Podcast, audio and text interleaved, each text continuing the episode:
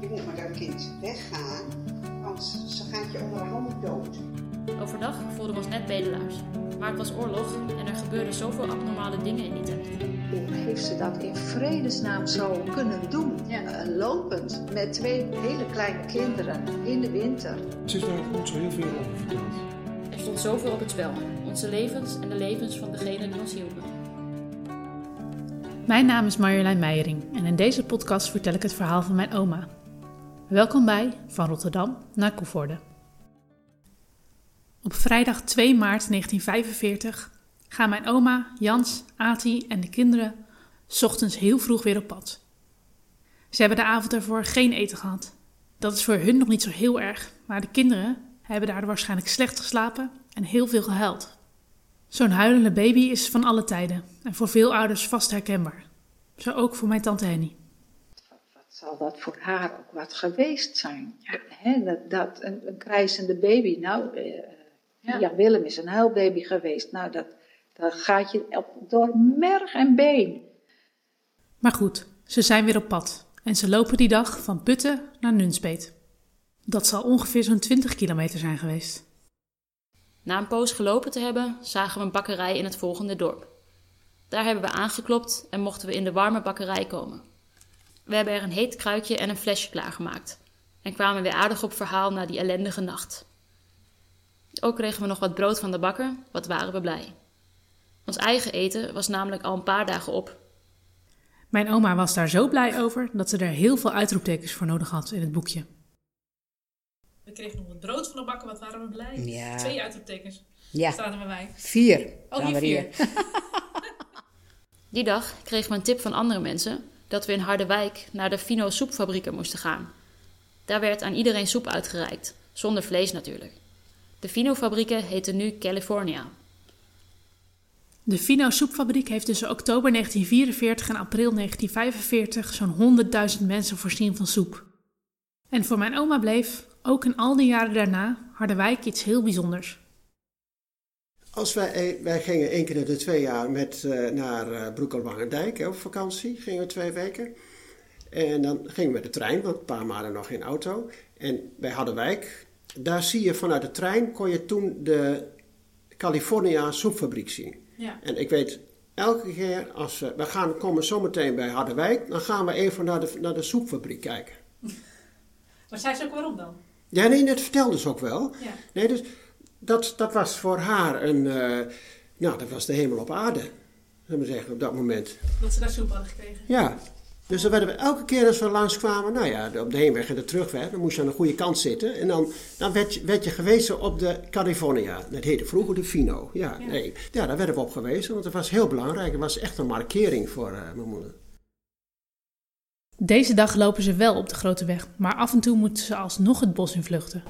Voor beschietingen van de Engelsen lijkt me echt doodeng. Ja, ik denk dat je van, wel redelijk op tijd hoor je die eh, vliegtuigen aankomen. Het waren niet meer zoals nu, eh, dat is van die straaljagers die vreselijk snel vliegen. Maar er waren vaak eh, twee motorige vliegtuigen die dan, eh, die dan van verre van horen aankomen. Dus dan oh, komt het vliegtuig aan, dus dan gingen ze dan weer gewoon het bos in in feite. Af en toe moeten ze dus het bos invluchten en tegen de avond komen ze bij een boerderij aan.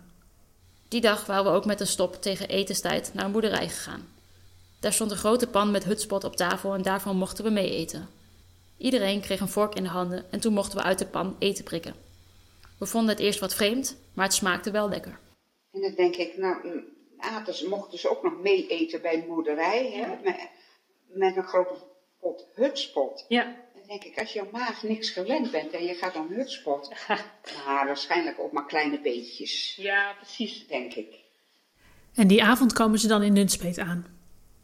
Via het Rode Kruis worden ze naar een hotel verwezen. Ik denk niet dat ze ooit in een hotel had geslapen, of wel? Nee. Nee. Ik denk ook niet dat het hotel eh, nog in eh, functie was. nee, want het was niet verwarmd. Nee. Geen warm water. Nee. Gewoon helemaal niks. Ja, bedden. De bedden waren goed, maar alles Ja. was koud. Ze kon nog geen flesje klaarmaken. Nee. En dan dat bijna onderkoelde laatste zinnetje. Dat was een naarslot. Want na een redelijke goede dag wat het eten betrof. Ja. Ja, alleen ze had niks voor het kind. Nee. Nee, voor, voor Jan denk ik wel. Die at gewoon... Die at gewoon wel mee met de pot. Ja, Die zal hutspot gegeten hebben.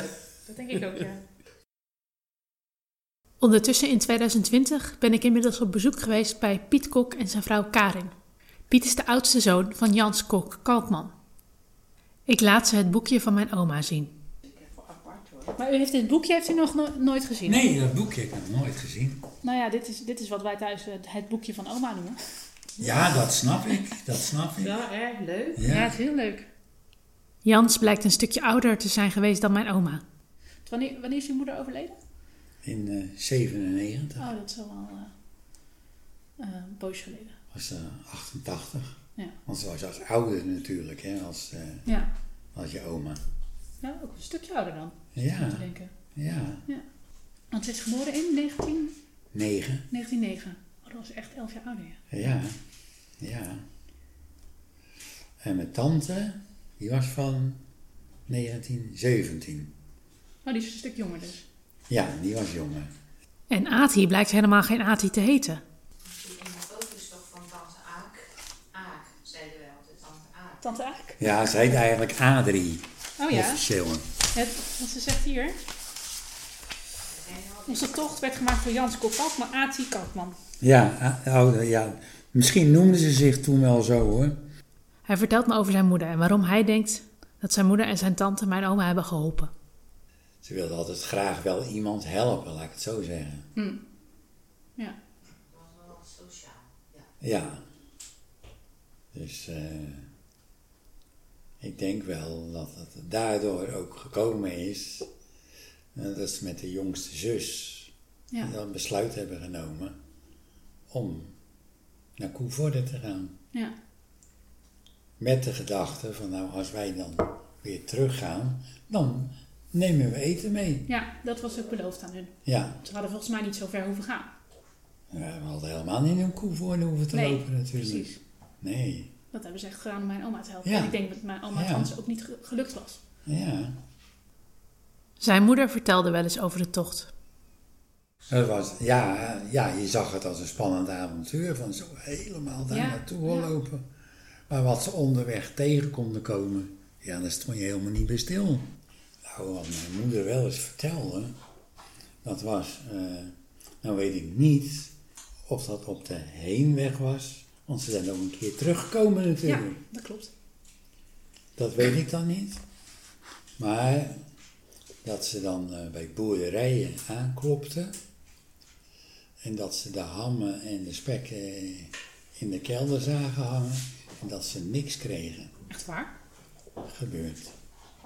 Dat vertelden ze wel. Huh. Ja, dat heb ik me afgevraagd. Van hoe... Ze hadden niet veel bij zich, zeg- zeggen ze. Nee, nee, dat klopt. Dus dan, eh, dan klopten ze bij de boerderijen aan. Er waren natuurlijk ook boeren waar, waar ze wel eh, wat kregen natuurlijk. Ja. En, eh, en toen zeiden ze ook van, ja, nee, dan moet je naar die boerderij gaan, want die zijn van de kerk. Oh, en dat hielp. En, ja, maar dat hielp juist niet. Nee? En toen hadden ze weer van een ander gehoord, nee, je moet naar die andere boerderij gaan. En die waren Rooms-Katholiek. en ja, die, en daar werden ze heel goed ontvangen. Ja. Dat heb, ze, dat heb ik ze wel eens horen vertellen. Ik vraag Piet ook naar de kinderen van Ati. En hij geeft me een naam en een woonplaats. Maar die, En- eh, die bent u uit het oog verloren, zoiets, zoiets zei u. Nou, ja, niet helemaal. Want ik ben er nou weer achter gekomen dat eh, Jos van Loon, dat is de oudste zoon, die woont in Borger. Oh, in Borger. Ja, Daar woont mijn broertje. ja. Jos van En? Loon. Ik stuur een mailtje naar deze Jos van Loon. De oudste zoon van Ati, of eigenlijk Aak, of Adriana Kalkman. En als ik dan nu toch vlak bij de Antilopenstraat ben, waar mijn opa en oma hebben gewoond, Ben je wat wijzer Ja, zeker wel. Ik zou het wel heel leuk vinden als u, dat, als u daar tijd voor heeft, om heel even naar de straat de Looplaan te komen. Ja, Ja? tuurlijk. Ja. Dat had ik al eh, verwacht eigenlijk. Ja, ik wist eigenlijk niet dat het zo dichtbij was. En het is zo dichtbij. Ja, Dat kan je makkelijk lopend even doen. ja. Het is geen kilometer lopen natuurlijk. Het is niet van, eh, van Rotterdam naar Koevoorde. Piet en Karin laten me alles zien. De Antilopenstraat, de Buffelstraat en de Laankerk, waar mijn opa en oma Jans en Ati hebben ontmoet. Het is heel bijzonder om hier rond te lopen. In Rotterdam, Kralingse Veer, Waar mijn oom Jan en mijn tante Meta zijn geboren, waar mijn opa en oma hebben gewoond ten tijde van de Tweede Wereldoorlog en waar de tocht is begonnen. En die tocht gaat morgen verder, op dag 6, 3 maart 1945. Als mijn oma, Jans en Ati, ik blijf haar maar even Ati noemen, van Nunspeet naar Hattem lopen. En in Hattem komt eigenlijk hun grootste obstakel. Hoe komen ze over de IJssel? Tot ziens bij de volgende aflevering van Van Rotterdam naar Koevoorde.